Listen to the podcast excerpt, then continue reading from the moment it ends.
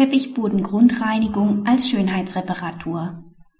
Wie sind die Kosten einer Teppichreinigung zu behandeln, wenn der Bodenbelag mitvermietet wurde?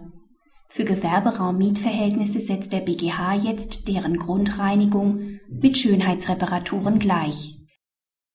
Die beklagte Mieterin eines Gewerbeobjekts soll nach der vertraglichen Vereinbarung die Schönheitsreparaturen durchführen und die Mieträume bei Beendigung des Vertrags ordnungsgemäß gereinigt an die Vermieterin zurückgeben.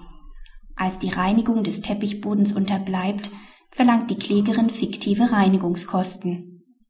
Der BEH spricht ihr den Klagebetrag zu. Zwar führt die von der Beklagten übernommene Reinigungspflicht nicht zu einem Anspruch der Klägerin, ein solcher ergibt sich aber aus der unterlassenen Durchführung der Schönheitsreparaturen. Denn zu diesen rechnet auch die Grundreinigung des mitvermieteten Teppichbodens.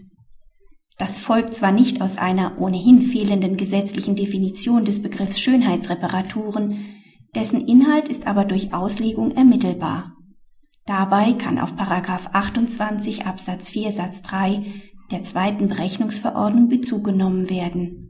Hieraus ergibt sich, dass es sich dabei nicht um Instandsetzungen im engeren Sinne, sondern um Pflegemaßnahmen handelt.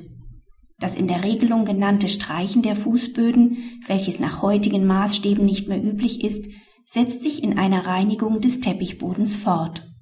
Ausblick. Der BGH wendet sich mit dieser Entscheidung gegen die überwiegende Auffassung.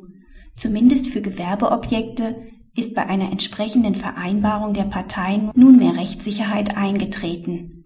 Im Hinblick darauf, dass das Mietverhältnis bereits 1994 und damit zu einer Zeit begründet worden ist, als das Streichen von Fußböden weitgehend unüblich geworden war und sich ohnehin ein Teppichboden im Objekt befand, hätte man im Wege der Auslegung aber auch zu der Erkenntnis gelangen können, dass eine gesonderte Vereinbarung für die Übernahme der Reinigung notwendig gewesen wäre.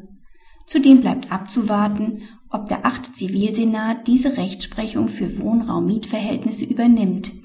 Dies dürfte angesichts des Transparenzgebots und des keineswegs zwingend eingreifenden Wortlauts von 28 Absatz 4 Satz 3 der zweiten Berechnungsverordnung zumindest kein Selbstläufer sein